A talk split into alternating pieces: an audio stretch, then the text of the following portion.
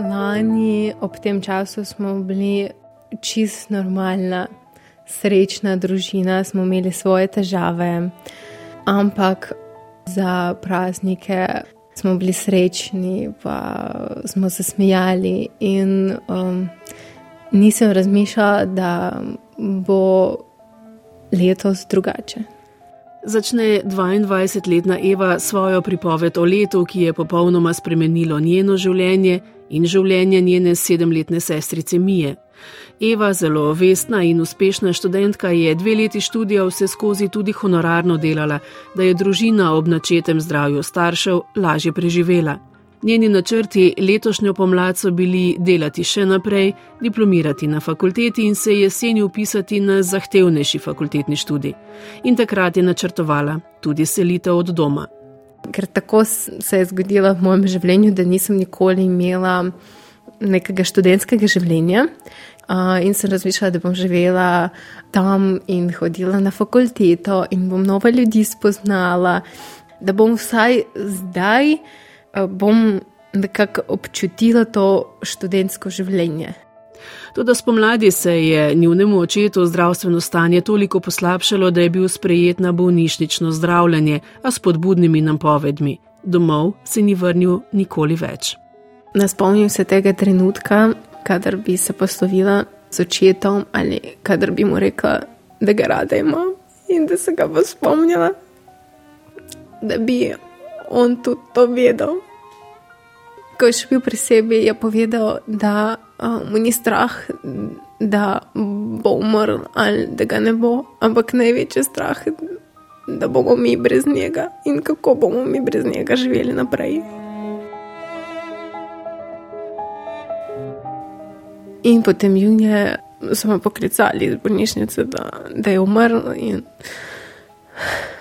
uh, ne glede na to, da je bil v bolnišnici, je bil vseeno to šok za najo. In mogoče ne bi bilo nepričakovano, ampak zaradi naše človeške narave smo taki, da vseeno tudi takrat, ko ni več upanja, vseeno upamo. Upanje pa je bilo tudi vse, na kar so se lahko oprli le nekaj tednov kasneje. Čeprav je tudi mama v preteklosti že imela zdravstvene težave in so bili prepričani, da je bolezen uspešno zazdravljena in da bo tako tudi ostalo, je kontrolni pregled pokazal, da se je mamina bolezen vrnila in se v času, ko je bila vsa pozornost usmerjena k očetovi bitki, tudi usodno razrastla. Zdravniki so mami napovedali kvečemu mesec dni življenja. V tem enem mesecu, dokler uh, ni umrla, smo prvi teden uh, je šel kar hitro in nismo mogli verjeti.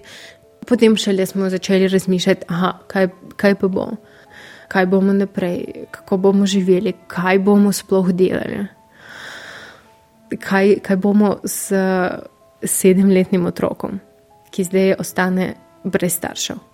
Kaj bo z mano, ki sem 22 eh, let stara? Nimamo tukaj sorodnikov, ki bi nam lahko um, kako pomagali, ki bi lahko k nama prišli pa bi rekli, da bomo mi zdaj za vas skrbeli. In sem se jaz odločila, smo se pogovorili tudi, da sestrica bo ostala z mano, ker tukaj ima vse. Ima šolo, ima uh, svoje krožke, ima dejavnosti, in jaz ji nočem tega odvzeti ali jo prisiliti, da bi se kam preselila. In ker smo se tako zmenili, uh, je mami bilo lažje.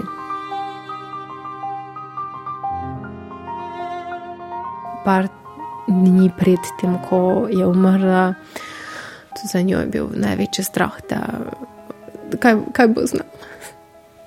Kaj bo z nami in jaz sem. Uh, in uh, jaz sem povedala, da, da me ima rada, pa so se objeli, pa sem ji povedala, da se nič ne boji, karkoli se bo zgodilo, da lahko ona gre v miru, da, da bomo medvedje drug za drugo poskrbeli. In uh, smo se objeli, pa sem ji jaz povedal, da jo imam rada, in ona meni je povedala, da me ima rada. In, uh, v mojem življenju je bila več kot uh, samo mama. Je bila moja najboljša prijateljica. Vse smo delali skupaj, ker sem imela uh, zelo naporen urnik um, že nekaj let zaradi študija in dela uh, in uh, domačih obveznosti, nisem imela toliko prijateljev, uh, ker nisem imela časa hoditi ven, uh, se družiti. Um, in ko so me spraševali, uh, s kom se jaz družim, kdo so moji prijatelji, sploh sem povedala, da je moja mama moja najboljša prijateljica.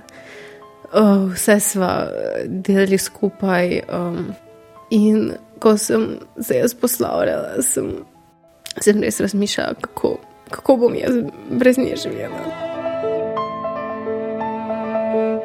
Kljub zelo boleči izgubi očeta in zavedanju, da odhaja tudi mama, je Eva zmogla končati študij.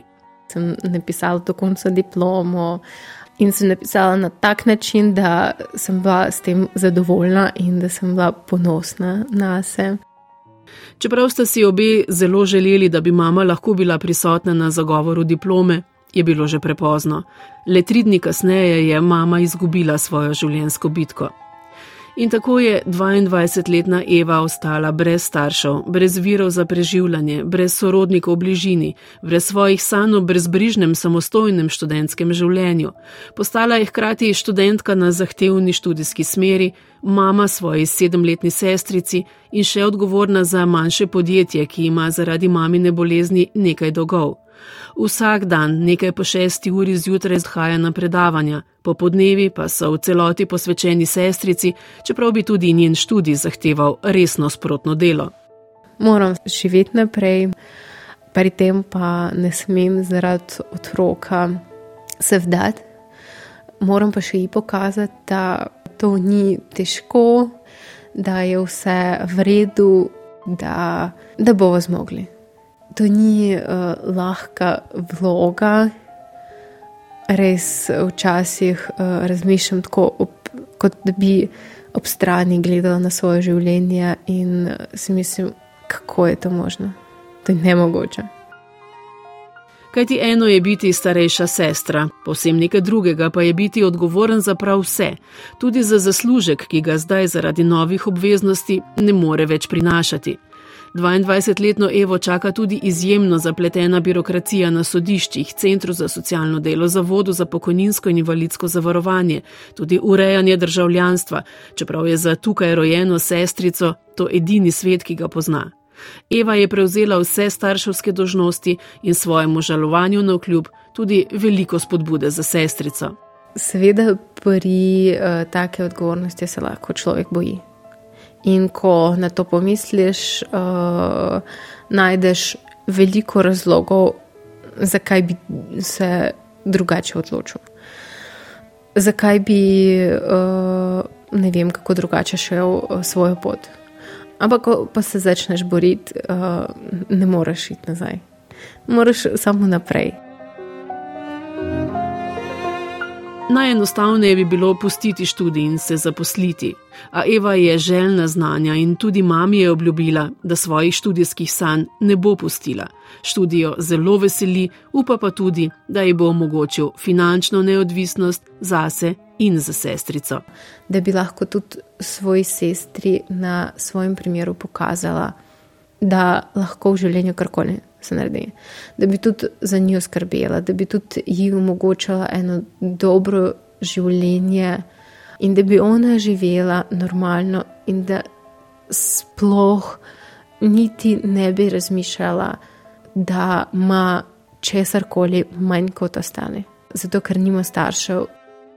Mi ji vsaj vtis normalnosti pomagajo krepiti tudi vse obšolske dejavnosti, ki jih je lahko ohranila nisem si upala tega ji odzeti. Itak veliko se je zgodilo. In če bi še kakšno dejavnost, ki jo zanima, odzeli, bi lahko ji zelo, zelo poslabšali življenje. Toda vse to prinaša stroške, deklici pa sta kljub izjemnosti njunega stanja povsem odvisni od pomoči tistih, ki razumejo njuno stisko. Praktično v tem mestnem času sploh, sploh nismo imeli uh, nobenih prihodkov, veliko pa stroškov in še veliko stresa, ko moraš uh, vse to dati uh, čez. Prav bi jima prišla običajna in športna oblačila in obutev za Mijo, ki hitro raste in za katero je mama pred smrtjo uspela nakupiti le topla oblačila. Spomladi pa bo potrebovala še novo kolo, detku mrazu pa bo pisala za med deklicami trenutno moderno plastično punčko in za posebno ročno uro, ki beleži športne dosežke in omogoča tudi najnujnejše osnovne telefonske klice. Eva pa tudi pravi: Lahko tudi nam pomagajo s hrano, ker bi lahko vsaj kakšen strošek si zmanjšali. Zavedanje, da je do mine samostojnosti še veliko let, v katerih bo Eva v celoti odgovorna za njo, je kar strašljiva, priznava Eva. A, to je to, kar sem obljubila mami. Jaz sem dala mami veliko obljubo, ampak um, sem ji mogla omogočiti, da, da gre v miru. In zdaj naj čakajo prvi prazniki, ko doma ne bo uh, najnih staršev.